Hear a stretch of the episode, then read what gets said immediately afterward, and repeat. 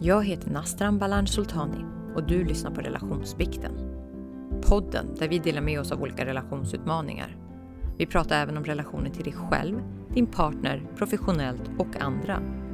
Det här är den totalt ärliga podden som baseras på äkta relationer med dess ups and downs, sårbarhet och dysfunktion. I dagens avsnitt pratar jag med Go On och mer specifikt Ivanja och Malin. GoOn är en sida där du hittar praktiska råd, artiklar, avtalsmallar och mycket, mycket mer för din relation.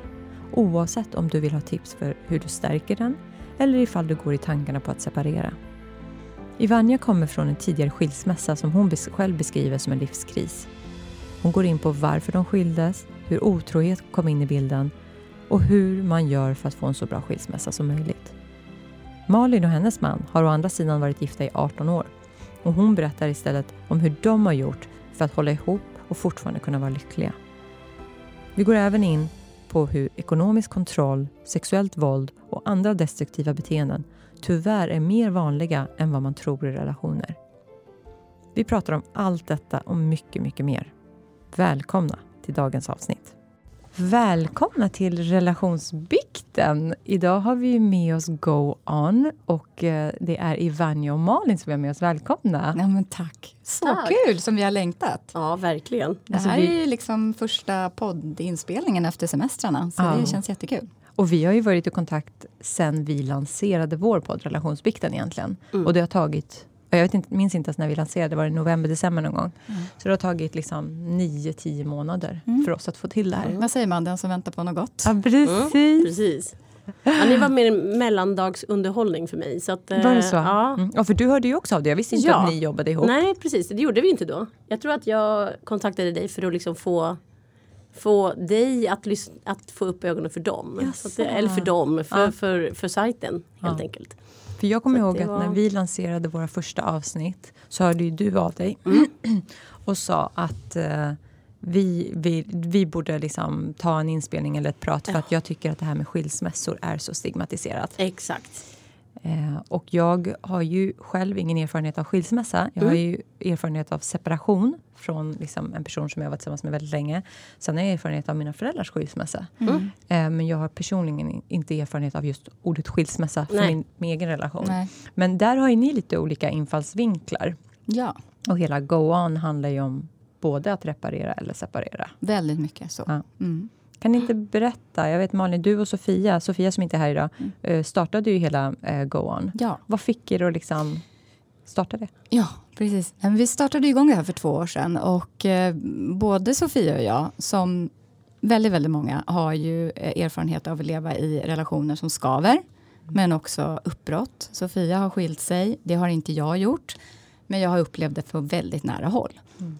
Kan man säga. Nästan ja, men så nära man kan skilja sig förutom göra det själv. Liksom. Eh, och eh, det var någonstans där vi började känna och när man liksom pratade med bekanta och så kände vi, de allra flesta känner liksom att det finns lite tomrum och man skulle önska att det fanns ett go-to place mm. där man kan kolla liksom allt som man kan tänkas behöva. Eh, både när det kommer till skav, som de allra flesta människor, tror jag, mm. som lever i en relation, upplever lite då och då, eh, vissa mer än andra. Men också inför ett uppbrott, om man kommer dit att vi, vi måste dela på oss, separera eller skilja sig. Eh, så känner de allra flesta att de är alldeles villrådiga och känner sig helt, liksom, var ska jag börja någonstans? Så det var där vi kände så här, att samla så mycket bra information, tips och råd, checklister, samarbeta med företag som kan hjälpa till i försäkringsrådgivning, psykologer, terapeuter. Det, vi bara samlar som en relationshubb Uh, så, så, så, började det och, och, den har fyllt på ganska bra. Uh, goon.se som sajten heter. Men vi kände också ganska snabbt att vi ville nå ut på annat sätt och prata om det här. Och därför startade vi våran podd, Reparera eller separera. Mm, jättefint namn. Och det var där Ivanja kom in uh, direkt som vår tredje partner i det och, är vår moderator och, och, och, guidar oss fram. Och vi får in en massa frågeställningar till sajten. Och liksom, så, så, så. så ja, det är det vi...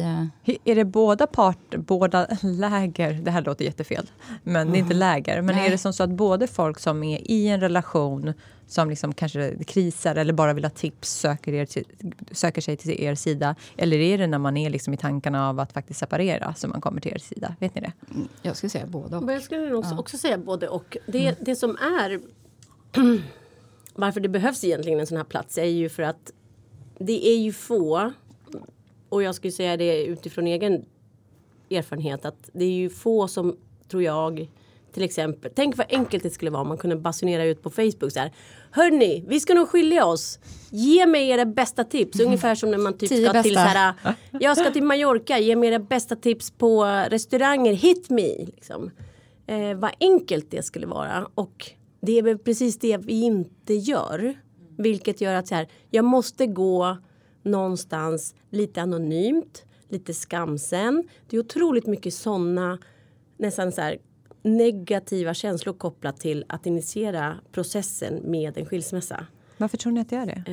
Um, ja, och det var ju lite ett misslyckande. Därför. Ja, det, alltså, är, det är ju kopplat till ett misslyckande. Så, och det där har vi ju pratat om i våran podd också att ja, det må vara ett misslyckande. Det betyder dock inte att man är misslyckad. Att man måste liksom särskilja det från så att säga handling, situation och person. Mm. Um, och det där har ju tagit mig själv ganska lång tid att någonstans komma över liksom en massa sådana där ord som på något sätt liksom hänger liksom lite kvar över en. Men det må vara ett misslyckande för att det var inte det man hade. Det, det är ju inte ett misslyckande om man från början från början tänkt så här. Men om, om fem år. Vi gifter oss nu. Om fem år. Då skiljer vi oss. Men då skulle det ju vara ett då skulle det vara mission accomplished. Precis. Då hade man det var ju inte mål. riktigt det man möjligen hade föreställt sig. Det var inte intentionerna. Nej. Och, och minst lika skamset är det ju att gå runt år efter år i en dålig relation. Mm. Eller en skavig relation. Mm. Och, och det, det, är ju otroligt vanligt. Och, då, och då pratar man inte om det. Nej. För då vågar nej, man inte nej, det. Men det, är ju, mm. nej. det var ju därför lite jag och min man startade relationsbikten. För att vi kände att det fanns... Uh, allting ni, ni hörde så, pyset? Nej, men allting är så filtrerat. Ja. Uh, till och med med nära vänner så berättar de först om dåliga relationen efter mm. att de har separerat. Att det inte var bra. Och då kände jag så här visst, jag, min, jag och min man, vi har absolut ingen perfekt relation, men vi har jobbat mycket med vår relation. Mm. Så då kunde vi i alla fall dela med oss av vad vi har. Eh, sen har ju vi jättemycket saker som skaver också, men bara att ha att få liksom ha någon som på riktigt är ärlig om en relation. Vad som inte är okej. Okay, det kände jag saknades där mm. ute. Um, så jag tycker det är jättefint det ni gör, att ni verkligen hjälper folk oavsett vilken väg man tar. Mm. Um, att få tips eller... För jag var inne och kollade på er hemsida. Det finns ju massa... Det finns fantastiska artiklar. Det finns tips på hur man ska göra och liksom allt ifrån liksom hur man bygger tillbaka eller liksom eh, reparerar och kan... Eh, ja, Hitta en ny väg framåt. Precis, mm. hitta gnistan igen. Och sen liksom. tycker vi är väldigt intressant eftersom både Vanja och Sofia personligen har eh, eh, nya relationer och med bonusbarn och hela den biten. Så vi har även hängt på det liksom att ur ett uppbrott kan det ju bli precis hur bra som helst. Men det kanske kommer nya utmaningar. Så där tipsar vi också om jättefina samarbeten med, med företag och eh, eldsjälar som kan hjälpa till i de utmaningarna. Så att det, blev, det blev ganska brett. Vi började med liksom kanske egentligen uppbrott och separation, skilsmässa och så kände vi ganska snabbt att åt båda hållen mm. bredda. Mm. Jättefint. Men Ivania, jag tänker så här, vi går in lite på era enskilda historier, för ni har ju två olika historier. Mm. Eh, det skulle vara jätteintressant att höra lite liksom, eh, om er bakgrund, vad har ni, vad är er relationshistoria? Um, och liksom varför ni egentligen har gjort de valen ni har gjort. Mm. Um, Ivana, kan vi inte börja med dig? Absolut. Relationskarriär. Eh, Relations-CV. Hur lång tid har vi? ja, precis. Nej, men eh, ja, eh, ja, vi skilde oss nu, ja oh, gud, sju, åtta år sedan. Det är alltid så himla svårt att veta liksom, när det hela började. Men Nej, det är egentligen inte så himla svårt att veta när det hela började. Det började för ungefär åtta år sedan och vi hade, jag minns så himla väl att vi hade en diskussion runt påsk. Um, du och din exman? Jag och min exman. Som du har uh, två barn med? Precis. Mm. Vi har två barn, vi var gifta, vi hade två barn ihop. Um, och jag minns så väl att vi hade en diskussion runt påsk som lite granna, inte nödvändigtvis urartade, men som var så här. Det, det slutade med så här, men vi kanske borde skilja oss. Och så fort de orden hade liksom flugit ut ur munnen så var det som att bara... Eh, vad sa jag? Var det du som sa det? Jag tror att det var jag som sa det. Um, eller antagligen var det jag som sa det. Och det liksom blev som ett stort blött täcke som la sig liksom, över diskussionen, över oss själva. Och någonstans tror jag också att för mig så fortsatte de där tankarna liksom lite grann att mala vidare. Um, och sen... Det och var det första är... gången tankarna kom? För jag tänker oftast när, när det väl mm. kommer så kanske det funnits någonting som har skavt. Jo, tidigare. men det hade, funnits, det hade funnits, absolut. Det hade funnits liksom faktorer som hade kanske börjat kännas som det här kommer vi liksom inte kring. Vi kommer inte runt det här nu mer. Vi är liksom cirkulära diskussioner om samma ämne hela tiden. Um, som till slut började kännas som att så här, för mig handlade det väldigt mycket om att är jag som gift med någon annan ansvarig till 100 procent för även dens liksom livsutveckling. Um, och lyckoutveckling. Och på något sätt att liksom jag landade väl någonstans i mina tankar att så här, jag är ansvarig för barnen såklart. För deras väl och ve och lycka och välmående och allting. Jag är också ansvarig för mitt, mig själv och för att se till att jag är på en plats där jag åtminstone är någorlunda nöjd. Man kan inte alltid vara nöjdast i livet. Men man kan i alla fall se till att vara nöjd och känna att man mår bra. Men är jag verkligen under lång tid ansvarig för även min partner? Det var väl liksom där som mina tankar snurrade. Upplevde du att det var så i er relation att du Ja, men vi, ta ansvar vi hade liksom lycka. lite grann fastnat i den vinkelvolten helt enkelt. Ja. Att vi hade liksom, det var det jag tror jag menar med liksom cirkulära diskussionen. Att så här, vad vill du göra? Jag hade liksom spelat ut alla mina roller. Jag hade spelat eh, heja klacksledaren. Jag hade varit liksom den lite så här ställa ultimatum att nej men nu måste du komma igång med vad det nu kunde vara, allt möjligt. Eh, samtidigt så fanns det ju liksom en och, det måste jag ju säga, för mig har det ju varit hyfsat lätt att skilja mig av den enkla anledningen att jag har en fantastisk eh, numera ex-partner men pappa till de stora barnen och så vidare. Så att helt ärligt, för att skilja sig och för att det ska ändå vara okej okay, så måste du fasiken ha tur också med att ha en bra man att skilja dig ifrån. Mm, eller en bra partner. Mm. Um, och var ni och, överens om skilsmässan? Nej, det var vi väl inte från början. Men jag tror att vi var överens om att när vi väl hade kommit dit så skulle vi göra det bra för barnen. Mm.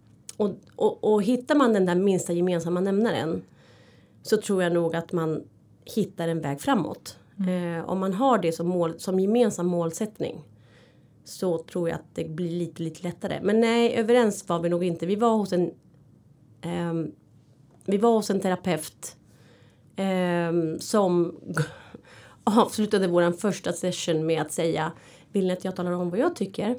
Jag tycker ni ska skilja er. Oj. Oj. Vårt svar var nej. Men varför sa hon så tror du? Eh, han, eh, han tyckte att vi var tillräckligt mycket överens. Ja, ni var tillräckligt klara.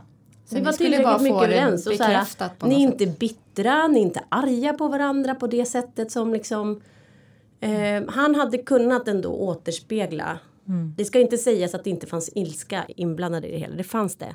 Men jag tror att han hade varit så bra att han hade kunnat faktiskt återspegla för oss vad det var vi hade liksom genomgått, vilken väg vi hade vandrat eh, och vad vi hade framför oss. Um, var det här när, ni redan hade, när du redan hade yppat de här orden? Var det då ja, nej det här var ju faktiskt, nu sa ju jag att det var ju runt påsk som vi först hade den här diskussionen och sen hade jag en, en ordentlig svacka i, ja, men mitt på sommaren där någon gång då jag var tvungen att liksom faktiskt läppa fram mina egna tankar och känslor i det hela och måste säga att jag har nog gjort det fräckaste jag någonsin har gjort. Eh, att vara tvungen att be min dåvarande man att, vet du vad? De här tankarna finns, de här känslorna finns och de här känslorna finns inte. Men för att vi verkligen ska kunna ta den här diskussionen ordentligt så måste jag ha liksom bandbredd för det. Jag var inne i en otroligt intensiv jobbperiod precis just då. Var på det som behövdes var att jag behöver att du ger mig tid till typ oktober. Innan jag kan ta tag i det här. Ordentligt. Och det måste jag säga, det kanske var det bästa att faktiskt våga be om den tiden. Mm. Och för honom, vilket måste ha varit det absolut svåraste han någonsin har gjort. Att ge mig den tiden. För under tiden hann ju jag någonstans ändå. Han visste ju att jag var mentalt och liksom lite känslomässigt på väg bort. Men att han gav mig den tiden det är ju krast tror jag nyckel till att vi ändå kunde skilja oss så mm. pass bra som vi kunde. Jag tänker så här vad det måste göra så ont. Fruktansvärt ont. För partnern att veta att ens liksom, den man älskar mm. är på väg bort och man, är, man har total kontrollförlust. Du kan liksom inte Nej. göra någonting åt det och vara kärleksfullt av honom och vara starkt av honom. Mm. Att, att liksom kunna ta det där steget tillbaka och säga att du får den tiden du behöver. Jag tror det är väldigt få som ah. klarar det, det på det sättet. Få. Ja. Eh, så det är ju mm. verkligen någonting som jag då kunde liksom någonstans identifiera som wow-faktor. Mm. Och så här i efterhand i reflektionen så är det ju otroligt. Mm. Jag tror nog att jag tror ingenting jag själv hade kunnat gjort Helt ärligt. Jag hade nog varit en mer rabiata som ville ha liksom besked nu. Mm. Eh, men just de här nu besluten är ju de sämsta. Helt ärligt. Men känner du i efterhand, för det, man liksom, nu har du ju en ny partner och du, liksom, ni har barn och allting. Jag tror inte man, liksom, det är vad det är, man går ju vidare. Mm. Men känner du att ni gjorde allt ni hade kunnat för att försöka? Ja, den både och tror jag. Jag tror säkert att vi hade kunnat tagit hjälp tidigare. Det här var ju liksom, om jag ska säga så här, det finns ju två parallella spår i den här, i den här historien. För det ena spåret är ju precis det här som jag nu berättar mellan mig och min exman. Sen det andra parallella spåret var ju att jag någonstans mitt i den här i den processen som jag och min exman hade också träffade min nuvarande man. Så att det finns liksom en, ett parallellt spår som tyvärr också har eh, då innehåller liksom otrohet eh, och innehåller en känsla av att eh, ja, men så här, nyförälskelse som inte går att stoppa. komma ifrån och, och stoppa. Mm. Och det är därför jag säger så här, jag tror att det var starkt gjort. Det var både starkt och magstarkt av mig att be om den tiden samtidigt som jag någonstans både eh, försökte utforska vad det var jag kände gentemot min exman men också tyvärr lät, det gick inte att stoppa, men lät de här andra känslorna faktiskt också få ta plats. Så att eh, det är ju det komplicerade i det hela. För jag tänker just det där med att jag och min man pratar ofta om det, för vi har ju ganska så här Eh, snäva mm. Ramar för vad vi anser är okej otrohet eller inte. Och anledningen för det är ju just för att förälskelsen är ju som en drog. Absolut. Det går ju inte att tänka klart. Det går ju inte. Så när man väl har öppnat den dörren så är det ju typ kört.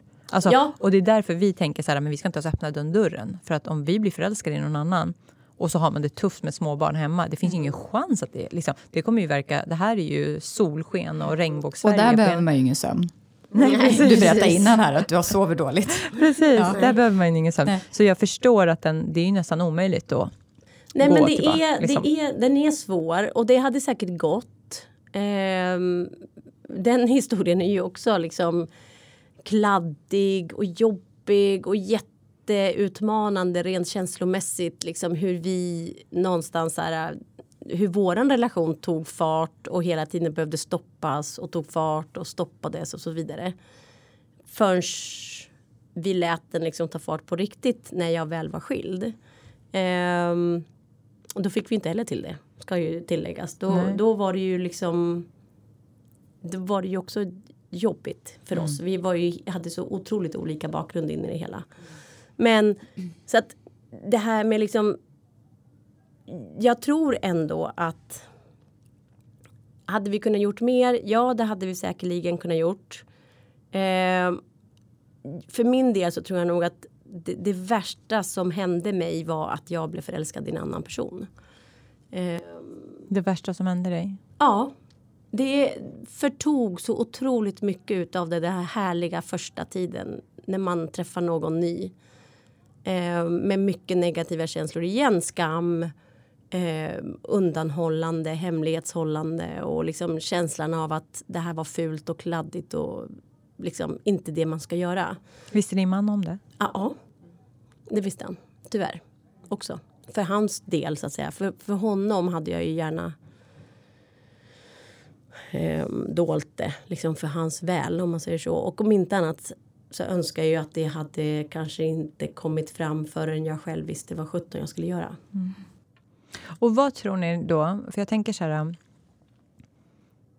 alla relationer har ju liksom den här förälskelsefasen, man är kär, allting är enkelt och så vidare. Sen efter några år, det är då det börjar bli tufft. Och i början så klarar man det, men sen när man har tjafsat om samma sak 10 000 gånger, man är trött, man har allt det där, så hamnar man ju där igen. Så vad, vad, vad, vad jag tänker så här, um, nu är du i en ny relation med två barn. Visst, man kan, jag, jag tror att det är en förutsättning att grundläggande värderingar som överensstämmer och man har liksom lite sådana saker. Men vad gör du idag för att inte hamna där igen? Jag poddar. Ja, vi har ju pratat om det där att egentligen är ju det bästa ja. utgångsläget både för Sofia och dig Vanja och sådana som mm. gör om, gör rätt. Ja. Alltså när du väl har liksom tagit språnget ur någonting som inte har funkat och man kanske själv har ett beteende eller så som man då tar med in i sin nya relation. Men man vet, det var sådär sist. Liksom. Nu har jag ju faktiskt chans att göra om och göra på ett annorlunda Ut, sätt. Utan att det är infekterat? Exakt. Ja, exakt. Det är det som är den stora utmaningen mm. när man är kvar i samma relation. Ja. Och vad, vad, tror ni är de där äh, råden och tipsen? Vad är det man behöver göra för att faktiskt undvika att glida ifrån varandra eller ge upp? Malin. Ja, och jag tänker Malin, du har ju varit tillsammans med din man i 18 år, är det så? Ja, vi har varit gifta 18 år. Ja. Gifta? Och, och egentligen inte, vi har faktiskt inte varit ihop speciellt mycket längre än så. Nej, okay. För att efter ett halvår eh, så klev min man ner på knä och friade. Och sen gifte vi oss inom ett år och sen hade vi två barn. Så att det gick ju liksom fort där. Hur gamla eh, var ni? Eh, 30-ish.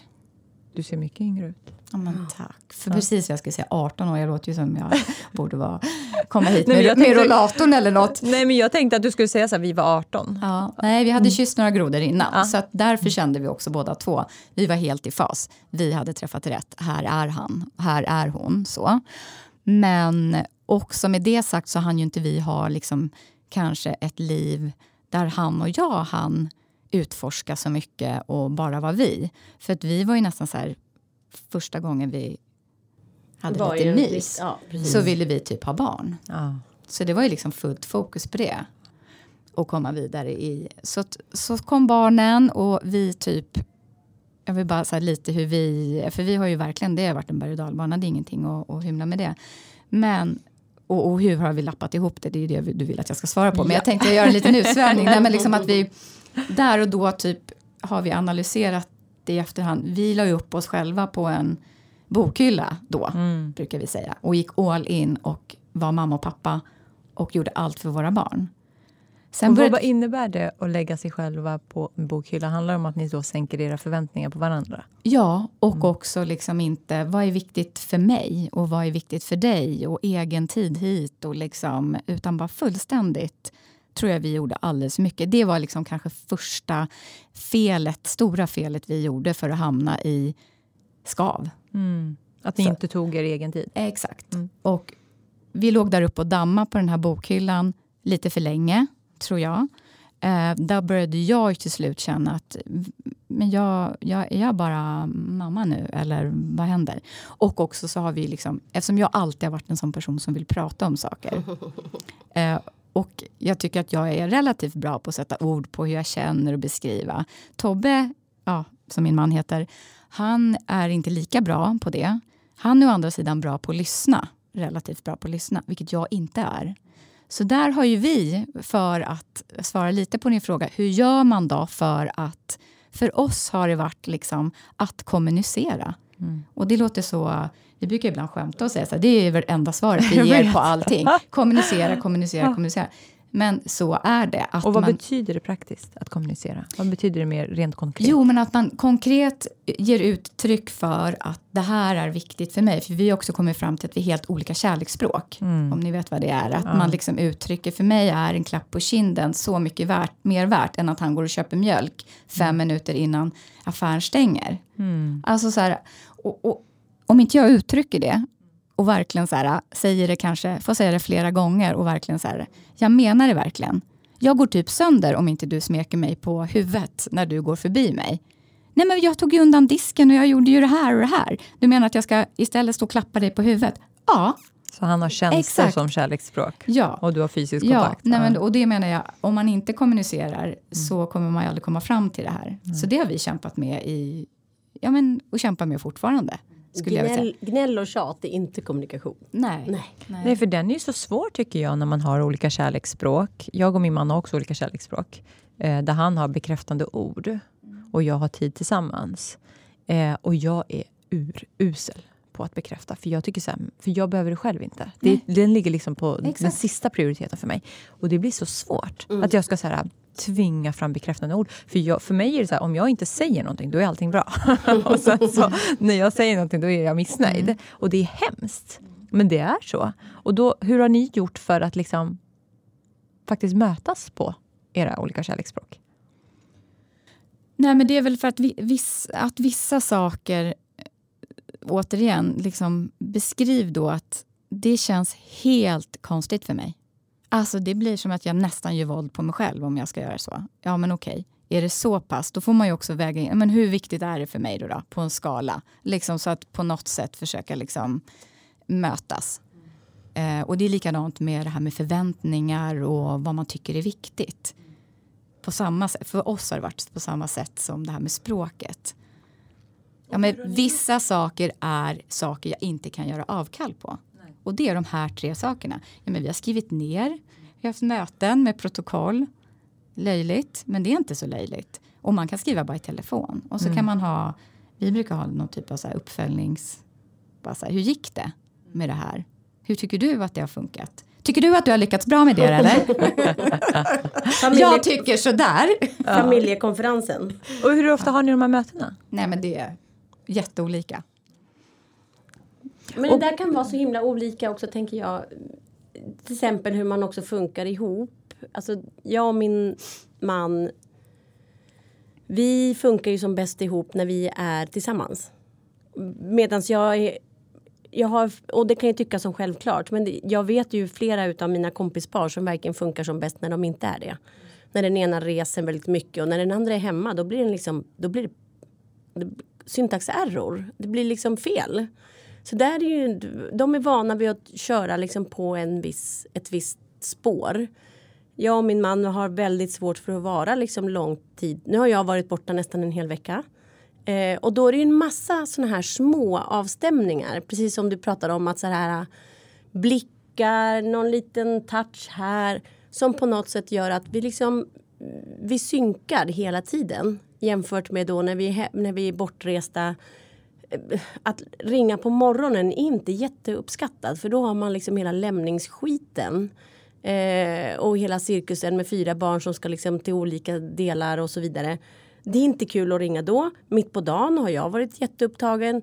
Och på kvällen då är det också nästa cirkus. Liksom någon som har kraschat för att den är trött och så vidare. Och någon ska skjutsas till träning. Mm. Ja, så vi får liksom i, i, i, otakt. Mm. Och när vi kommer i otakt då kommer vi totalt ofas. Och sådana saker tror jag att man bör kunna identifiera. Att vi funkar inte jättebra. Vi kommunicerar redan så pass dåligt att det här med sms eller bara samtal funkar inte för oss. För då, då hamnar vi väldigt lätt ganska långt ifrån varandra. Mm. Vi Medans behöver se varandra. Vi mm. behöver liksom se och ta på varandra och framförallt sova ihop. Mm. Då funkar vi. Då är det liksom lite som en så här äh, touchpad för laddning. Så, mm. Så ni har inte barn som sparkar er i huvudet? Nej, Nej. vi har självsovande ah. barn. Då har vi haft båda de två yngsta har varit självsovare. Du berätta det här. Nej, du får inte berätta det till mig som har varit uppe varje natt i oh. några månader. Nej, jag skojar. Vi, ah, okay. Jag kan säga att min, min näst äldsta heter ju Tyra. Mm. Eh, men hon kallades ju för Tortyra när hon var liten. så det finns en anledning till det. Hon, hon var jättegullig och jättesöt men hon var också grön, hade fjäll och stora horn på nätterna. För ah, hon var ett gremling. nattmonster. Hon var en gremling som fick ja. mat på natten. Mm. Mm. Så att eh, ja, I feel with you, no mm. worries. Men det går över. Det blir inte hända. Hon säger det. Vi får se om vi överlever tills dess. Okej, okay. men jag tänker så här, du pratade ju, förlåt Malin, men jag tänker du pratade ju också om att ni, ni la er själva på bokhyllan i några år. Mm. Hur många år pratar vi om? Och när tog ni tillbaka er och när insåg ni att nu måste vi göra någonting och vad var de här förändringarna för något? Men jag tror vi fick plocka ner oss själva lite pö om pö. Ja. Så det var inte att det gick från en dag till en annan och så. Men... Ni fick det ner en nivå i taget? Ja, och jag tror jag hoppade ner, började hoppa ner före min man. För att vi har insett att han har inte alls samma. Och det är också så skönt när man landar i att man har olika behov av egen tid. Och olika behov av saker. Mm. Som, och att man då också kan tillåta den andra för att ha mer. Att inte jag ska behöva känna att jag har dåligt samvete för att jag tar för mig mer till exempel. Det har också varit någonting som jag har brottats jättemycket med. Men som inte har varit ett problem för honom. Mm. Men eh, ja, efter ett par år kanske när första barnet var några år så började väl jag känna att nej men det här, alltså på riktigt, det här funkar inte. uh, och vad gjorde ni då? Uh, bör, jag började nog frågasätta initialt. Liksom. Är det så här det ska vara? Och... Det blir ganska stora tankefrågor ja. i, dem, i, de, i det läget tror jag. Ja. Men vad ska man... Det var där jag kunde liksom... Ja. Så här, ska vi så här, du och jag, och familjen. Och vad, hem, vad, vad, ham, vad hamnar jag i det här och du? Och, så det var ju så att börja liksom titta på det och hur känner du? Och, ja, men jag känner så här och jag måste bara få lite space. Ja, men kan vi inte börja, börja bara liksom sakta men säkert kartlägga hur, hur skulle du vilja ha det då? Och han var nog kanske så här, men nu är det så här. Nu är vi föräldrar och det är det, det, är det prio. Jo, men alltså, det är inte så att jag inte kommer prioritera mina barn, men jag måste fortfarande få kunna andas själv och kunna liksom känna att du och jag också. Du och jag, vad händer med det? Liksom. Så att um, i små saker tror jag vi började liksom sakta men säkert. Uh, och sen blev ju barnen äldre. Och det kan man ju säga att det blir ju lättare. Alltså det blir andra saker som blir utmanande när barnen blir stora. Men vissa saker blir ju helt klart lättare. Mm. Att kunna hitta tid för varandra. Mm. Att inte att hela tiden de kan börja ta ja, sig nu. Liksom. Hela den biten blir enklare. Exakt. Mm. Så det, det löste sig lite också mm, automatiskt. Och, och, vilka fler liksom livskriser har ni haft? Inte livskriser, relationskriser har ni haft? Eh. De egna livskriserna. ja. Nej, men det har ju handlat en del om man jobbar lite för mycket. Tobbe har drivit eget bolag uh, och utmaningar med det. När man känner att man är längst ner på näringskedjan. Nej, men liksom, det är jobbet, barnen, hunden och sen jag. Nej, mm. Ungefär den ordningen. Så, och jag också har drivit eget. Um, så. så att, att hitta tid och att man tappar bort varandra på tal om det här med att man kittet liksom man kommunicerar över en kalender i princip. Det har jag väl också liksom periodvis känt som att nej men är det så här vi ska ha det då tycker jag nästan att vi kan skita i det. För att det är inte så jag vill leva mitt liv. Och, och, och, får jag bryta in där då bara, just den meningen, så här, är det så här det ska vara så kan jag nästan tänka mig att låta bli det. Mm. Tänk om vi kunde faktiskt få eh, uttala det utan så mycket värdering i det. Alltså utan så mycket negativ värdering i det. För att vi skulle ju faktiskt säga så om ett jobb. Så här, om det är så här dåligt så här länge. Då kanske det är bättre att jag säger upp mig och letar efter ett annat jobb. Um, och vi skulle säga så om en kompisrelation eller andra relationer där vi liksom nästan känner så här. Ger, vi inte vi, ger inte vi varandra något längre så kanske vi ska dela på oss. Den tror jag, det är lite grann det jag menar med att det är så otroligt stigmatiserat. Varför inte faktiskt kunna göra det till att så här. Jag känner ju krast att det är lite av en trygghet att jag har genomgått en skilsmässa en gång tidigare. På vilket sätt? Ja, men jag vet ju att jag kan ta mig ur mm. Om det är så att jag känner att äh, men det här verkar ju varken du eller jag känna på något mer. Om man du säger du så. överlever det och kan bli lycklig, lycklig Ja, mm. exakt. Jag vet ju, nu är ju min man också skild sen tidigare. Um, jag har faktiskt diskuterat den här lite med, med eh, hans exfru. Um, där vi bara för någon vecka sedan stod på hennes landställe och pratade just om att så här, det här är ju någonting som jag känner att jag inte skulle kunna ta i längden. Vi pratade om ett annat eh, kompispar och så vidare. Liksom just egenskaper som man känner så här. Nej, om jag visste att det fanns och att det har pågått länge och att man har gjort lite som jag sa tidigare. Så man har gjort, spelat ut alla roller. Man har varit hejaklacksledare. Man har varit den som är lite mild pushande och stöttande som håller med dubbla händer på ryggen och pressar lite framåt så som en blyg sexåring som ska upp in på skolgården. När man har gjort alla de rollerna så tror jag faktiskt att man har en skyldighet att titta på det, reflektera över det och känna vad mer ska jag göra? Har jag verkligen inte redan gjort allting jag kan göra? Mm. Och att kunna få känna och kunna få säga jag är inte säker på att det här är för mig längre. Utan att liksom på något sätt bli den illojala lämnande hustrun. Nej, jag tror, jag, jag tycker ju, alltså min personliga åsikt är att man själv har ansvar för att man ska vara lycklig. Mm. mm. Jag tycker det är väldigt viktigt att gentemot sina barn också, gentemot sig själv och sina barn, se till att man är lycklig. Mm. Eh, och när det går till en nivå där man hamnar i en, där man hamnar i en position i en relation där man blir en person man själv inte vill vara då är det viktigt att ta ansvar för det. Mm. Sen betyder inte det att svaret kanske är ett uppbrott. Men Nej. det betyder kanske att ta sig egen tid. Det kanske betyder att sluta fokusera på den andra partnern. Det kanske betyder att göra saker som får mig att må bra. Eller så kanske det betyder att vi behöver separera. Eller, ta, eller gå i terapi, vad det nu kan vara. Men ta ansvar för det. Det tycker jag är jätteviktigt. Mm. För att annars så fortsätter man ju vara i en relation och blir olycklig, bitter, liksom aggressiv. Ja, och bara förväntas att den andra ska ändra sig. Det Precis. blir sällan ja, lyckosamt. Och, och vem, vem förlorar på det? Mm. Alltså, jo, men det är det, och det är därför jag menar att man bör nog faktiskt kunna så här, Sätt dig själv i den tanken lite nu och då. Var går min gräns? Vad skulle min gräns kunna bestå i? Och vad skulle vi har ju pratat lite grann om det så att man kanske ibland ska leka med tanken på att och om, om jag var helt själv. Hur skulle min situation, man kan aldrig veta men, men hur skulle min situation ungefär se ut? Jag har ett jobb, jag har, jag har ju sagt det, jag, jag jobbar, jag skulle då vara mamma till fyra barn. Eh, vad skulle jag ha råd med? Vad skulle, alltså en liten så här sanity check. Vad vad skulle, hur skulle jag landa om jag inte var i det här förhållandet som jag är i idag? Mm, men det är ju något tips vi har på mm. vår sajt också. Just att lite så här, äh, kratta lite, checka mm. lite, skaffa koll. Och det kan ju vara både så som mm. du säger Ivanja, men också ännu mer konkret. Liksom, gå in och kolla, vad har jag för försäkringar? Vad har jag för...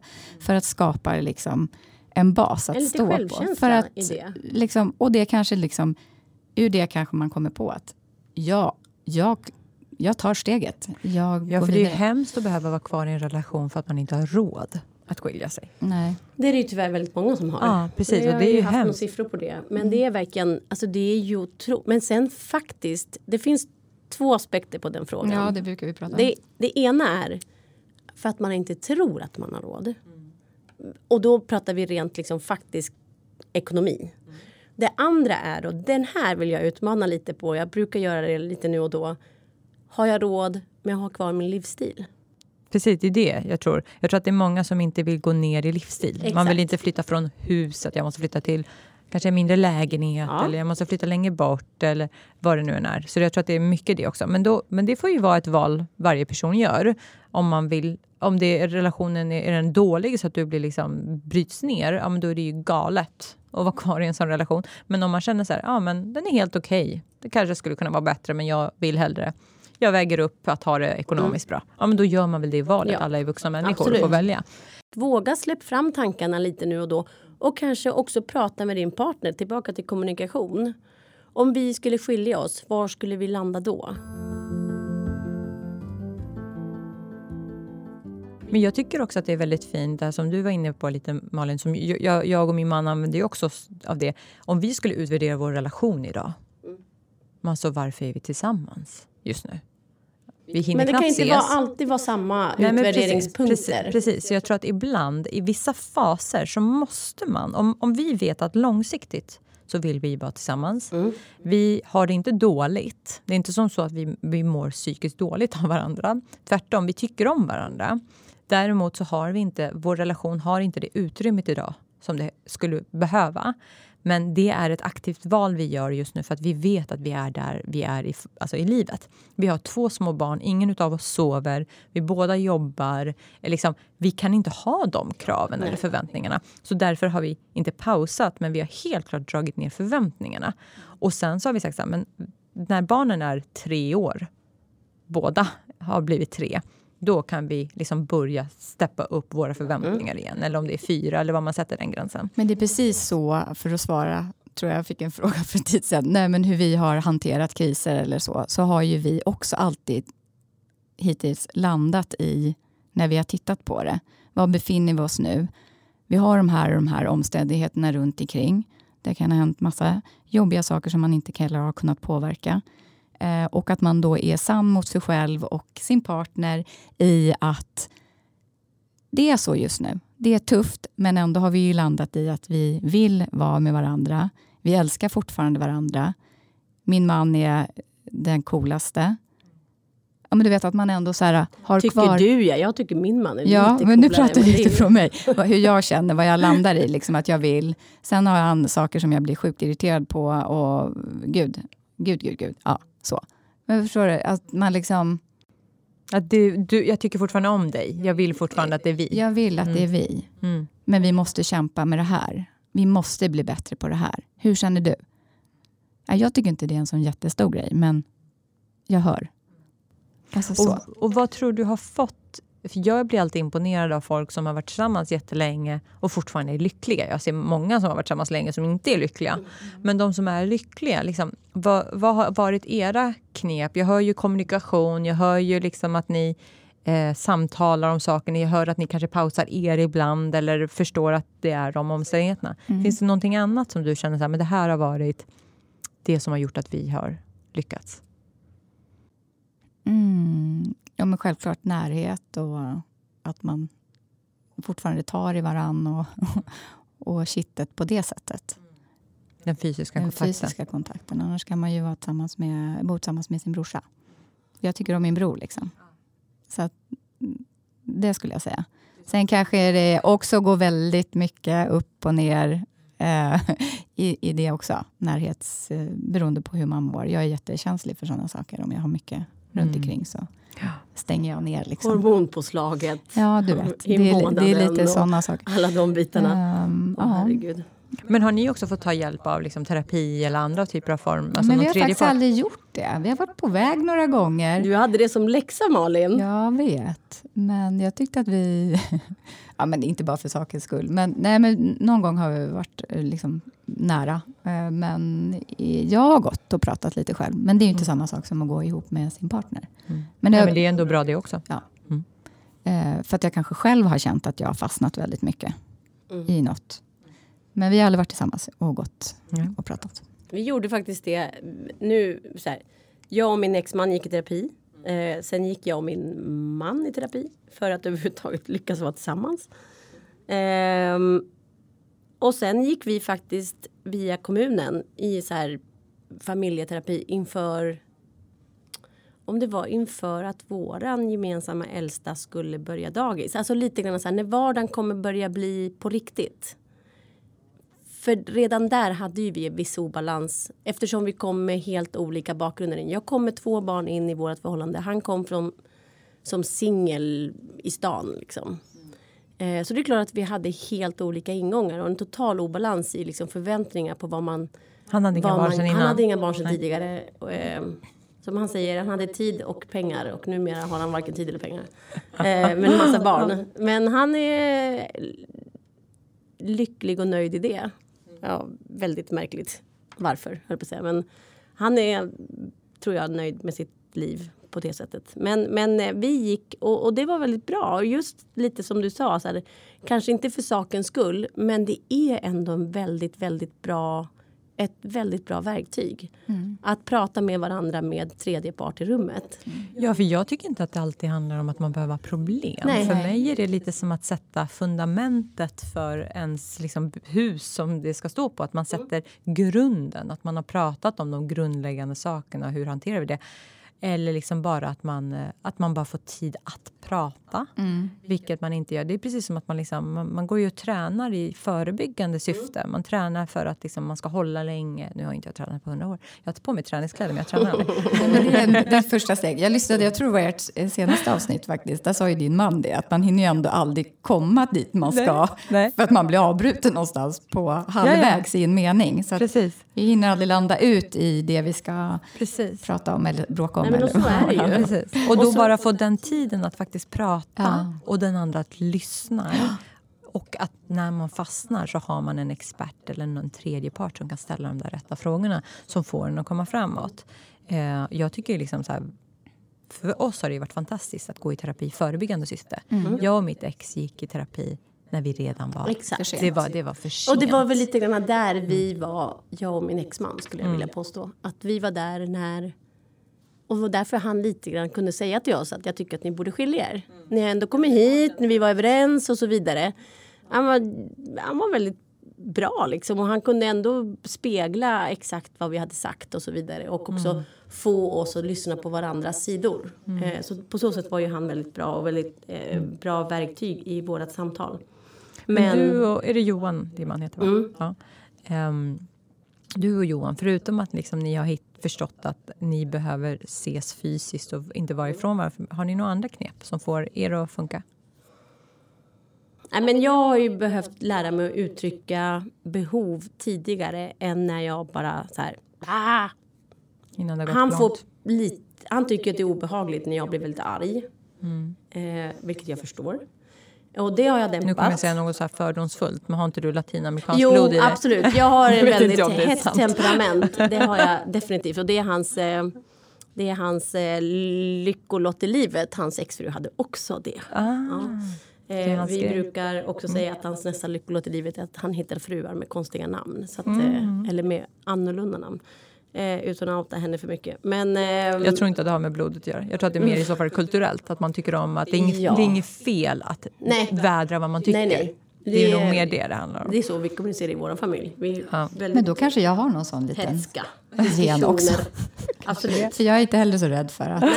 Mm. det, var, och det är väl kanske en del av det. Vi är mm. inte rädda för att, liksom, att det blir en konflikt. Sen går den över. Jag är inte särskilt långsint av mig. Det är liksom exploderar och sen går vi vidare. Men det kan ju också vara jobbigt för den som tar emot. Så det har jag behövt lära mig att respektera. Att Johan gillar verkligen inte när... Därför har jag behövt backa liksom bandet lite grann. Så när ska jag ta upp det här?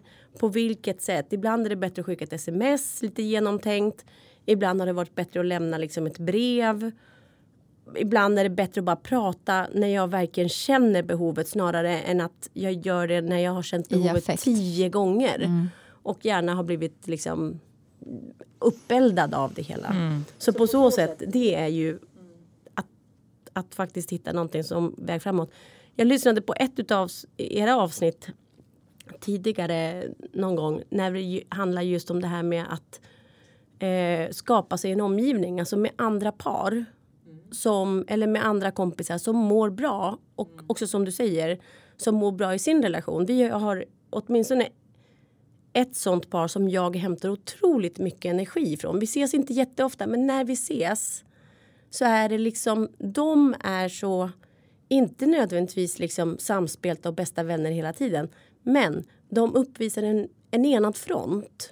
Och det hämtar jag otroligt mycket inspiration i. Att så här, men det är lite så, lite som vi gör med allting annat. Att, att vi inhämtar inspiration. Så tror jag att så här, scouta runt bland den omgivningen man har. Alltså vilka verkar ändå också kunna säga så här, nej men nu är det skit. Jag tycker det är jätteintressant att du säger det. På samma sätt som man kanske kommer till en insikt när man blir lite äldre, att man skalar bort vänner som bara tar energi. Och varför ska jag egentligen umgås med henne eller honom när det bara su liksom, suger energi av mig? Och Det tycker jag är samma sak med andra familjer och par. Men oftast är det ju familjer som man umgås med. Som bara sitter och kastar eh, Paj på paj på varann. Hur, hur bra mår man efter en sån middag? Nej, inte alls. Vi brukar stå, man står och tvättar undan och bara efter, och när de har gått hem och bara känner här, alltså vad hände?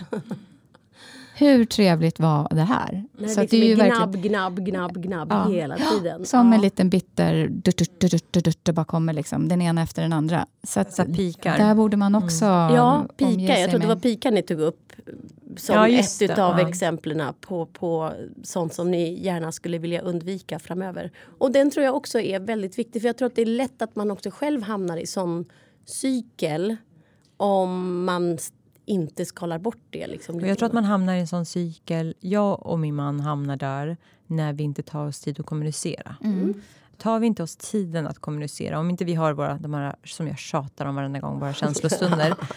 nej men alltså då Ja. mår vi inte bra. Jag mår inte bra i vår relation om vi skippar för många känslostunder. För jag hamnar i pikande. Mm. Och jag hatar den Visst är det versionen av mig. vidrigt? Ja, jag hatar den. Och då är det så här, jag vill inte vara den personen. Och om det får fortgå för länge, då kommer inte jag trivas, då kommer inte jag vara lycklig i den här relationen. För Nej. jag kommer inte älska den jag är då. Eh, och den är ju jätteviktig, att man, man är en person som man kan stå för. Mm. Och då måste man också skapa För sig själv, men för barnen och liksom... Ja, ja, vi är nej. förebilder för våra barn. Och det är jätteviktigt att de får en sund relation att se upp till. Eh, och liksom veta när de i framtiden har en relation att så där pratar man inte till varandra. Eller så där, så där pratar man gärna till varandra. Mm. Eller, jag vill liksom inte sätta fel, ja, men fel eh, Referenspunkter. Liksom. referens. Nej. Precis. Det, vi får inte normalisera felaktiga beteenden. Och den är viktig. Och det är likadant med det här med att man visar ömhet och Mm. hur man Precis. Mm. pussas och kramas inför Mm. barnen. Och liksom, Vi har våran, våran sexåring som tittar alldeles för mycket på Barbie. Och som varje gång vi pussas, lite för länge tycker hon, så säger hon Oh, låt mig bli den första att säga Ooh! Varenda gång. Har vi sagt det? När du inte behöver säga den meningen, Då är du stor. Nej. eller då är något fel. För att så länge som jag tänker att eller jag tänker att så länge som vi pussas och pussas kanske lite för länge för en sexåring så då är vi på on the right track. Ja, Mm. Ehm, Ja, det är sant. Så att, ja. Och jag tänker så här, ni måste ju få ändå få... Ni forsk, ut, alltså efterforskar mycket och eh, ni får säkert in jättemycket liksom, historier. Vad, vad brukar de vanligaste problemen vara i en relation? Ekonomi. ja. Skavet kring ekonomi. Ehm, egen, Vad är det för då? Mer, mer specifikt? ja, men obalans väldigt ofta i ekonomin och mycket kring ja, men osäkerheten som den obalansen skapar är, tror jag, det är ju jobbig liksom, tema. Att inte våga prata om det, att inte våga diskutera ordentligt. Eh, hur kommer det sig att jag har 15 kronor kvar på kontot när du verkar kunna gå och köpa dig liksom en motorcykel varje månad och så vidare. Så, så att se till obalanserna. Obalanserna går ju att reglera en stund men jag tror att obalanserna är jättesvåra att parera för liksom, i, i det långa loppet. Och har man inte en öppen dialog om ekonomin, då vet man inte heller vad man kan ha för förväntningar. Till exempel, vi pratar ju mycket, vi hade ju som en liten sommarkampanj som vi har Mm. tipsat och liksom sådär att eh, om man inte pratar om hur mycket pengar har vi på sparkontot. Vi kan inte åka till Dominikanska för att vi har inte de pengarna utan vi får hålla oss här. Eller bara det där att återigen prata om det, kolla, sitta och hur ser det ut på kontona. Men också den här ojämställda ja, biten. Mm. Men också återigen, ja, väldigt många slutar ju prata. Mm. Alltså man, tystnar, man tystnar istället för att man... För man har gett upp? Ja, och då tror jag ju... Det, det upplever ju många som, som säger det att äh, äh, jag är tyst istället. Mm. För det finns inte. ingen mening? Nej. Mm. Då är Men man ju vad, ute förstå på... och vara i ett sånt finns ingen mening förhållande länge. Nej men det där är nog, eh, det där känner jag igen mig i. Alltså jag tänker så här, när man har haft en diskussion hundra gånger om samma sak och eh, det aldrig blir en förändring, då finns det ju ingen mening. Och då har man ju börjat ge upp mm. för länge sedan. Mm. Och det, för mig är det liksom första varningstecknet. När jag slutar kommunicera, även i min nuvarande relation. Mm. Liksom, mm. när jag känner så här, jag orkar inte. Nej. Då har jag börjat ge upp. Det är första steget mm. i att vi börjar separera. Så därför måste jag alltid bara säga nej, du har inte gett upp. Och så går vi tillbaka och diskuterar. Mm. Mm. Men sen kan det ju vara att man i vissa perioder inte orkar. Men jag, jag känner igen mig i det och jag kan verkligen köpa att det är Eh. Och sen så har vi ju, det vet vi också, vi hade ju ett väldigt eh, bra samtal med en kvinna från Unizon. Och vi vet ju att väldigt många lever i destruktiva förhållanden och osunda relationer. Och det finns ju grader i den här osundheten också ju. Och områden. Och områden också. Inom det. Mm. Kan ni ge några exempel på vad det skulle kunna vara för destruktiva beteenden? Nej, men ekonomisk misshandel är ju väldigt vanligt. Att den ena har total kontroll över ekonomin, den andra inte har någon kontroll alls. Eh, och liksom kanske en ren känsla av att man inte bidrar och att man nästan måste liksom betala för sig rent eh, tjänstemässigt mm. om man säger så. Och fysiskt för den delen. Att man liksom är till någons förfogande för att man kanske inte är den som bidrar lika mycket. Men man kanske istället är den till exempel som alltid vabbar och alltid hämtar och lämnar och jobbar mindre, ja, i, i, i, mindre omfång och så vidare. Så att det finns ju... Oh, en ekonomisk mm. Eh, misshandel är en av de vanligare och en av de mest långsiktigt skadliga på det sättet att du har ju svårt att lämna ett sånt förhållande när du liksom inte har koll.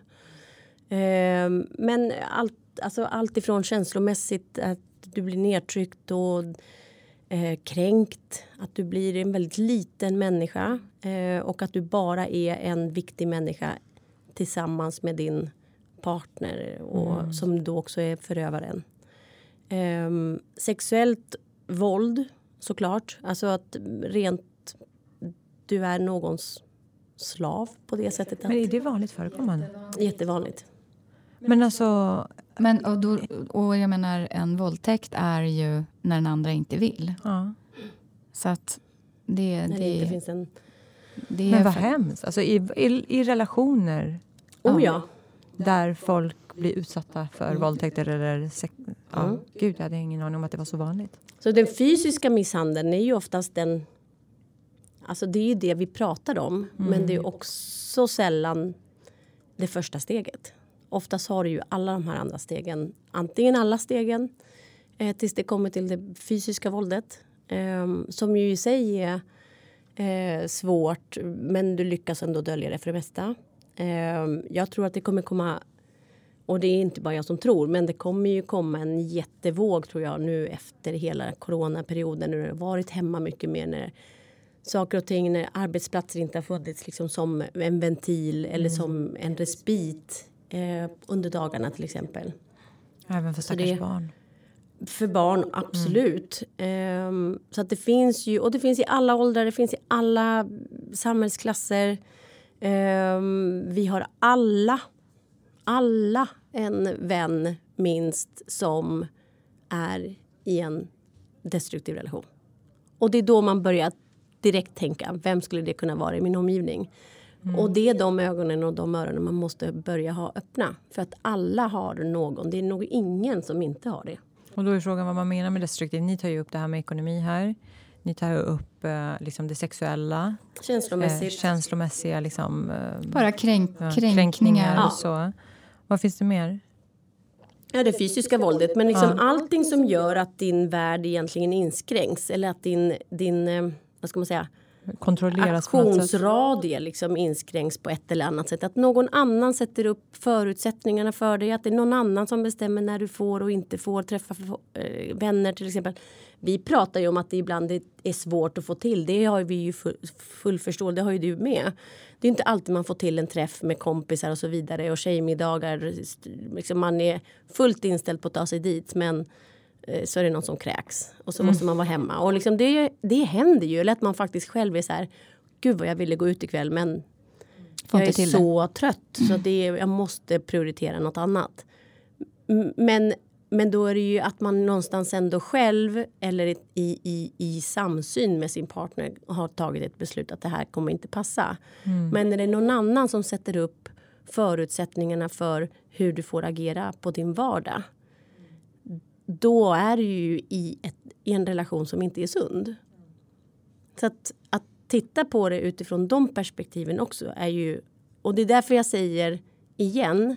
Jag hade lyxen att skilja mig från en väldigt bra man.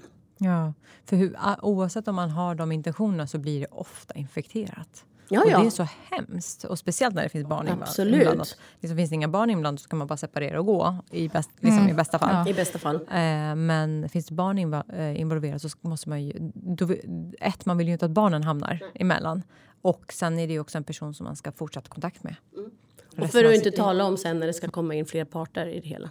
Ja, men precis. Då blir det liksom ytterligare en nivå utav, utav krångel. Ehm, men, men det går att få till det bra. Eh, det, jag skulle nog säga att det tar otroligt mycket tålamod.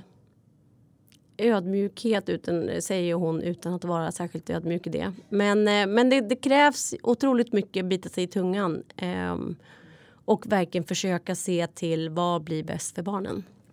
Och vad gör man då om man har barn? Vad är era tips när man, om man behöver separera eller skiljas och ha barn? Vad, hur ska man liksom hantera det? Vad, vad, hur gör man för att de ska komma undan så bra som möjligt? Ja, men först och främst, du är nog bättre på att svara på det kanske, men, men först och främst att man verkligen liksom överlag är överens om hur mycket jag än hatar dig eller du hatar mig och vad som har hänt. Så prio nummer ett är att vi ska göra det här så bra som möjligt för barnen. Och vi ska inte låta dem bli ett slagträ eh, och hamna emellan. Och Liksom- vi ska inte snacka skit om den andra Nej. med barnen. Så här, nummer ett. Ja, men det är, Och så här det är såklart eh, lättare sagt än gjort kanske. Men jag kan ju ändå tänka mig att de allra flesta ändå, liksom, det är ens barn, ens blod och kött. Och man borde verkligen, kött och blod kanske inte, man borde verkligen ha deras Mm. Intressant. intresse. Nej, men, Men- sen så, de, de, de, bitarna tänker jag ju egentligen faller in redan när man är i ett förhållande.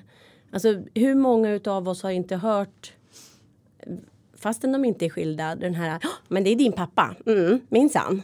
Och så vidare och så lite som den här flickan i är det, KPA-reklamen. Eh, har du, ingen, har du glömt din gympapåse idag igen? Ja, Ja, mamma det- säger att det är pappas ansvar. Just det. Och det är ju helt rätt. Såklart vuxna emellan att säga så här, men det är ditt ansvarsområde, det är inte mitt.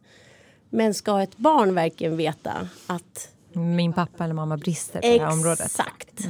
De bitarna. Sen är det ju såklart att man ska vara mänsklig och det är därför jag säger så här. Jag hymlar inte med att ja, vi bråkar inför barnen och vi grälar och så vidare. Vi visar ju också att sen blir vi kompisar och sen blir vi vänner och sen går vi vidare tillsammans.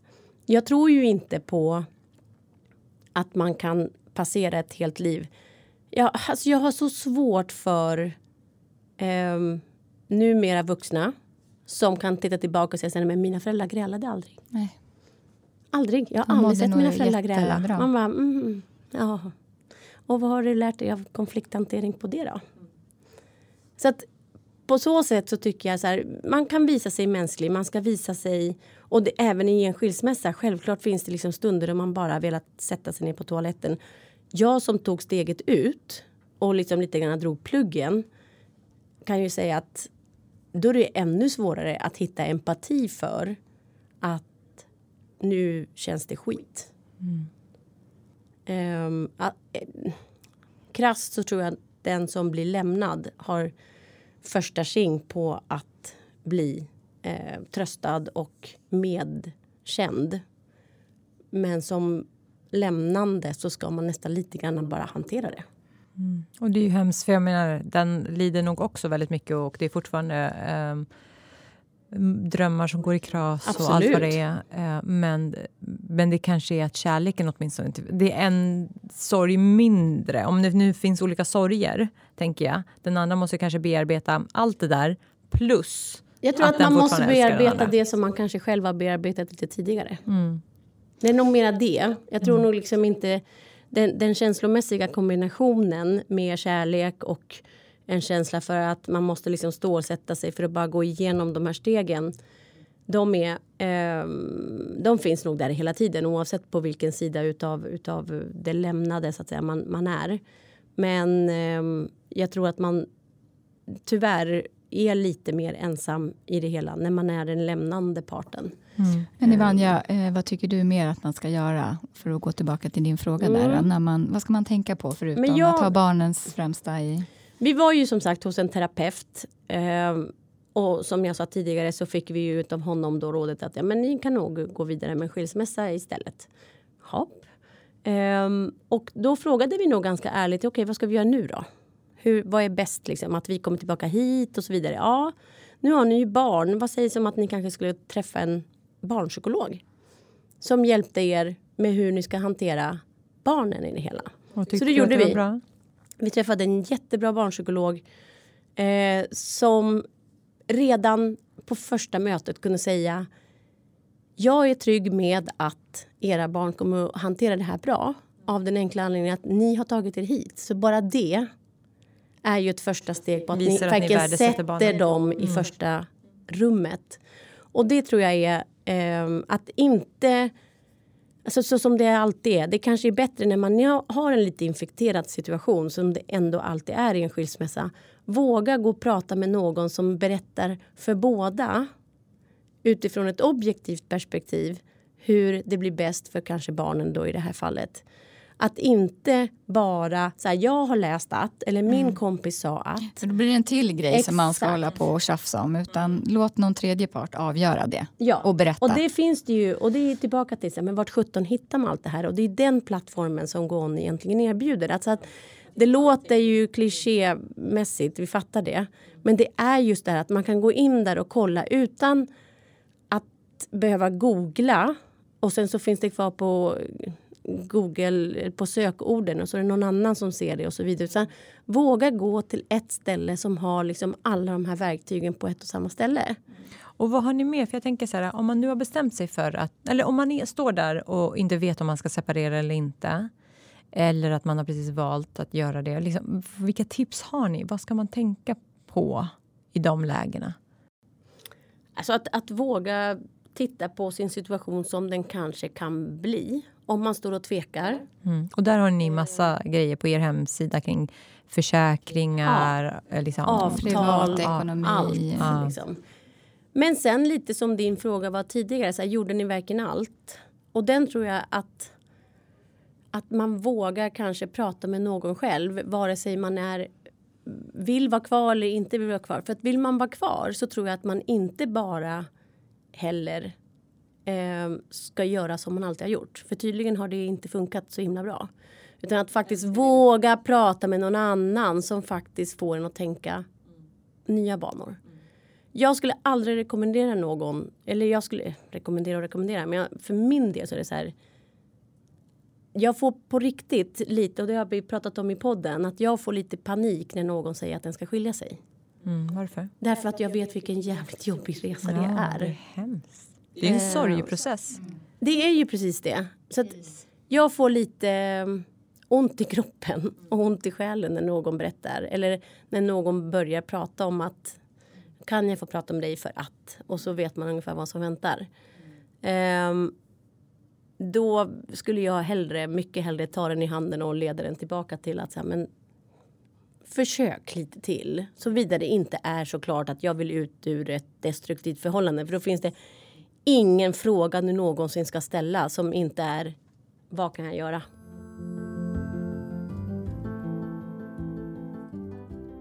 Och om, man, om jag vänder på den då, vad har ni för tips för att få en kärleksfull relation? Jag vet ju att ni hade, jag var inne på er hemsida och kollade, ni har ju åtta tips där. Kan ni dem? Vill ni köra igenom dem? Eh, det här bajsa. Budorden fast de åtta för kärleksrelationen. Nej, jag har hur? Nej, det, det har vi. Jag har inte dem i Men huvudet. har vi inte lite varit inne på ganska Jo, ni många har av dem redan? eh, Jag kan faktiskt ta upp dem. Vi har Ja. dem här. Mm. Ja, det ena första är ju fysisk närhet. Mm. Som ni har Check varit på den, den vi pratar om. Ja, den har vi pratat om. Ni låter varandra ha separata intressen. det här med Egen tid. egentiden. Mm. Och inte kontrollera den andras. Tre är din partner duger som hen är. Och det går ju tillbaka till att man inte kan förändra en annan människa. Mm. Utan acceptans eh, och försöka älska det. Och det är jättesvårt. Det är jättesvårt, men den är väldigt viktig. Ja. Fyra, utrymme att fortsätta vara du. Samma sak där. Att inte förändras på sina, eh, grund, på sina grundläggande Värderingar. värderingar eller Och personlighetsdrag. behov, det pratade vi Och också om här. Mm. Liksom verkligen Precis. sätta ord på vad är det här, Mm. hit men inte längre. Liksom, det här kan jag verkligen inte göra avkall på. Men det här kan jag verkligen fundera Mm. på att det kanske inte är så viktigt. Precis. Mm. Fem, eh, ni funkar som ett team i vardagen. Mm. Att man får arbetet att gå runt Mm. egentligen. Men där får man ju vara lite... Där är ju, kan man ju ibland känna att man hamnar för mycket i AB. Jag vet inte, tror att ni kanske håller med. Att man Absolut. liksom bara känner så här, men nu är det ju Ja, ja. bara ett AB här. Mm. Så det är ju också lite varnings... Mm. ehm, Att man verkligen sätter, avsätter tid för varandra. Exakt. Mm. Eh, sex, ni båda bråkar och blir sams. Så jag tror att vad jag, vad jag tänker med den Mm. handlar ju om att dels våga bråka, men också faktiskt bli sams. För har man en relation där man bråkar och aldrig kommer till en lösning eller väljer att det här var inte så viktigt, vi har, det är okej att vi har olika åsikter, så är det farligt också för det skapar ju en glipa. Absolut. Och en kil som bara börjar. Men där har vi faktiskt som en sak. Det har ju varit en sak som har varit väldigt viktig för mig just. För så fick jag lära mig. Att man somnar inte utan en kram och man somnar inte och säga förlåt.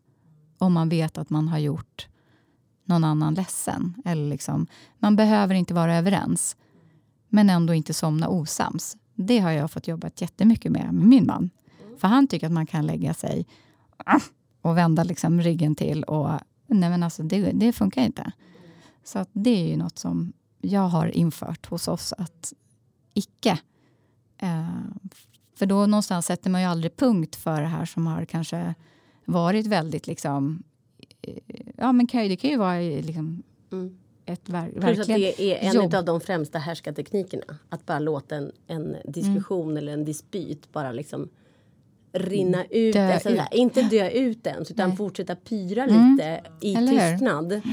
Det är ju en av de främsta Mm. härskartekniker som skapar otroligt mycket osäkerhet och ehm, ja, men dåliga energier. Och den är ju så svår om det har varit väldigt infekterat. Otroligt infekterat och sen ska man bara godnatt. Mm. Vi, alltså, men då kanske det är viktigt att liksom ta det och säga att vi är inte överens, vi är fortfarande upprörda, men vi säger godnatt och så tar vi den här diskussionen imorgon. Mm. Det vill säga att man respekterar relationen så pass mycket och säger att det här är viktigt, vi fortsätter den här diskussionen. Mm.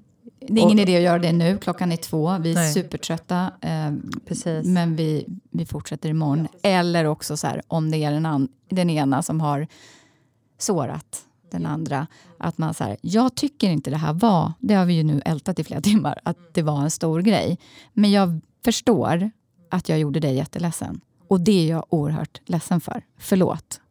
Men för, för mig var det inte så stort. Men förlåt. Mm. Så viktigt. Precis. Så Verkligen. viktigt, tycker jag. Och nummer sju, ni kan lita på varandra. Att det finns tillit. Ja, jag tänker många tankar där. Ja, Ja, jag det- min, dis, man diskuterar den här ofta.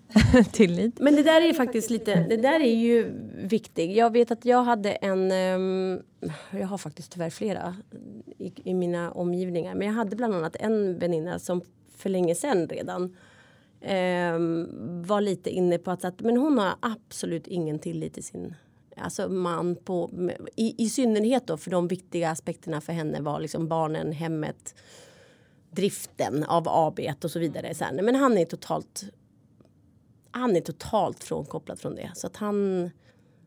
Hon kände inte alls. Och sen är det ju frågan, känner man tillit till att han kommer driva det eller göra som hon vill? Eller känner hon totalt ingen tillit för att han inte kommer driva det alls.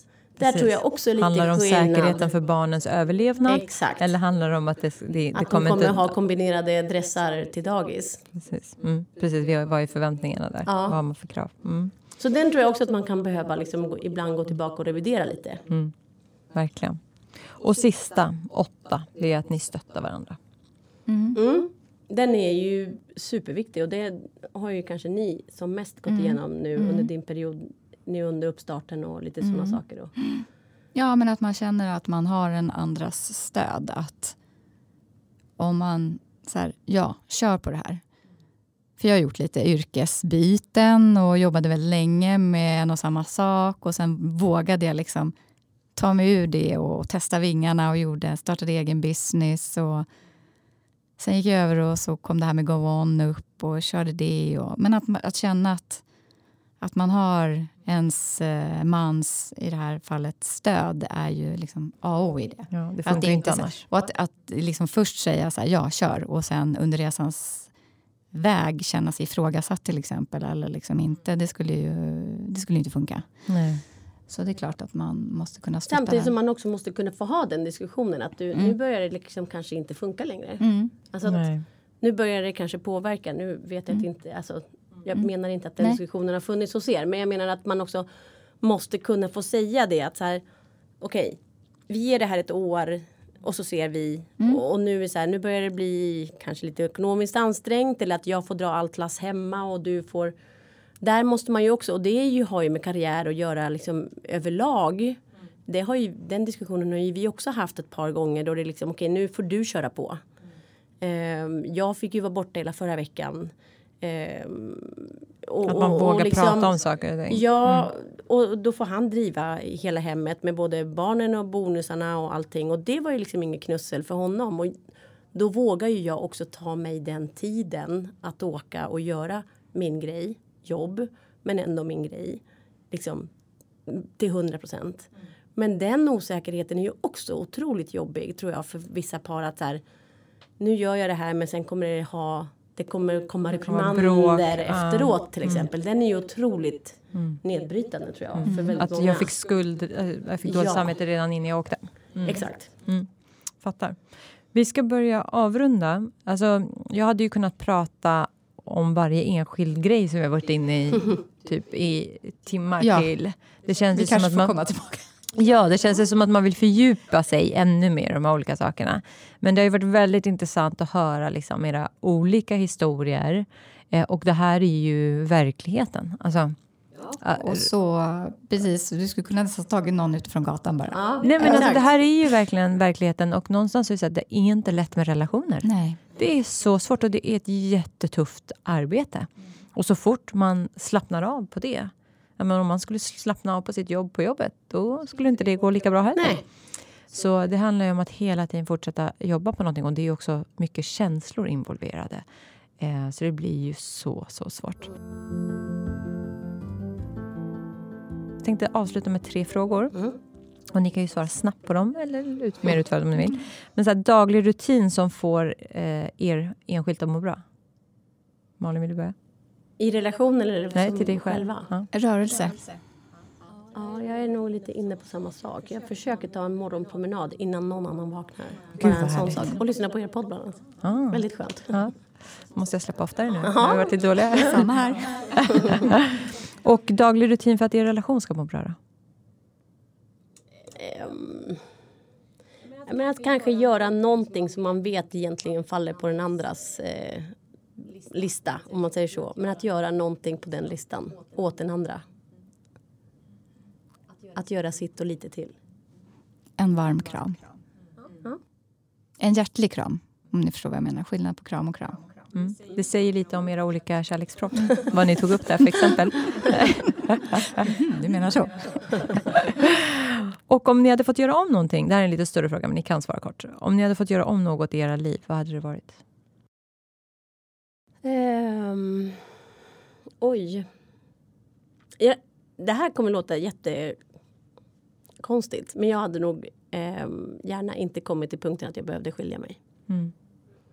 Faktiskt. Sen har ju jag träffat en jättefin man och eh, min exman har en jättefin tjej. Mm. Eh, Så det blivit bra som, ändå. som men... jag är otroligt tacksam över att vi liksom har fyllt på barnens förebildsbägare med. Men fan vilken jobbig process det är egentligen. Så att jag hade nog gärna inte skilt mig.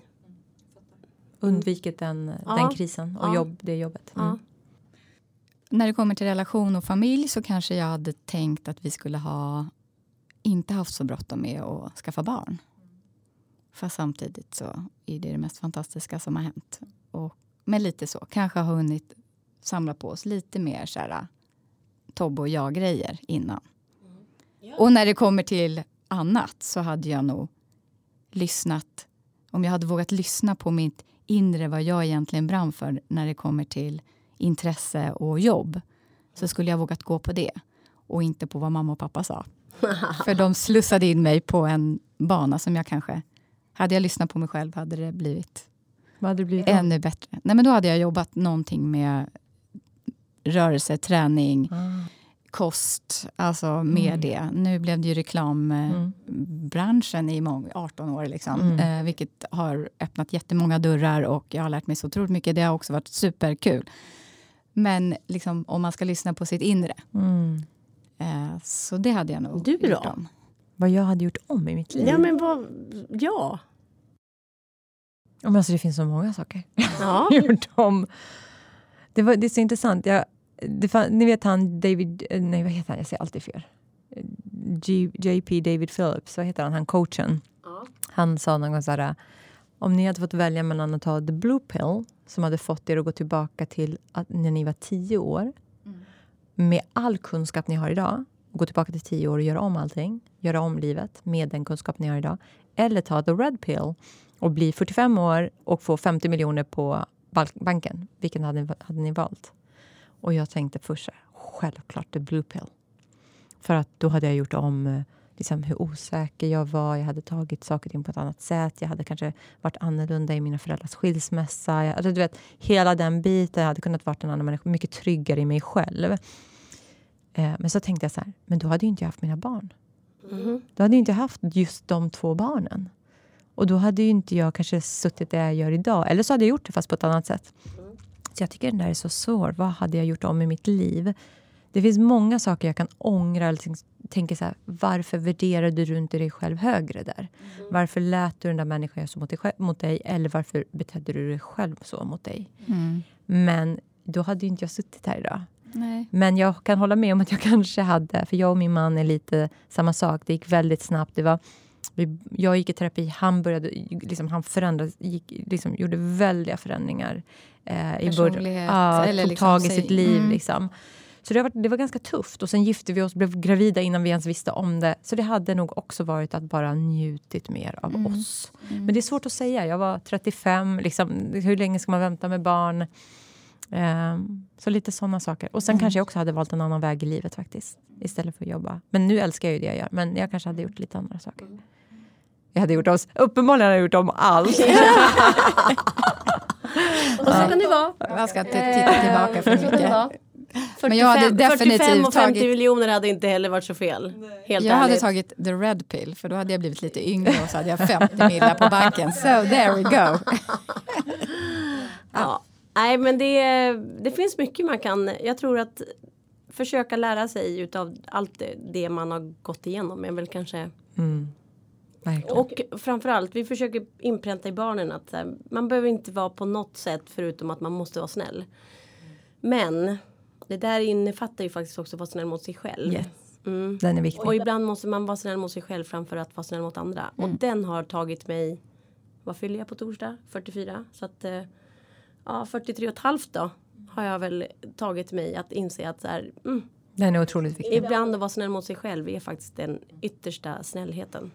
Bra avslut. Så att, eh, ja, jag skickar med den. Tack så jättemycket för att ni kom. Tack för att Det vi var ett fick vara jättefint här. samtal. Vad tycker du? I kör sa vi. Tack för att vi kom. Smurf. ja. Nej, men tack så jättemycket. Jag, jag kan verkligen rekommendera Go On. Det heter goon.se, va? Ja. Ja, mm. www.goon.se. För att där finns det jättemycket. Och vi jobbar ju hela tiden på att eh, liksom vidga våra samarbeten och hitta riktigt bra saker som man ska känna att man blir hjälpt av. Ja, och det finns något för alla där. Ja. Oavsett. Och saknar man något så är det ju bra att bara höra av sig mm. och säga att det här skulle jag gärna vilja ha lite mera. Mm. Och det är likadant med vår podd ju. Ja, uh, där är vi ju ofta shoutouts att är det någonting ni skulle vilja att vi tar upp så um, är det bara att mejla på hej goon.se. Mm. Och podden heter Reparera eller separera. Yes. Mm. Så stort, stort tack. Hoppas tack ni får en fortsatt fin dag. Ja, och tack för att ni har lyssnat. Tack. Hej då.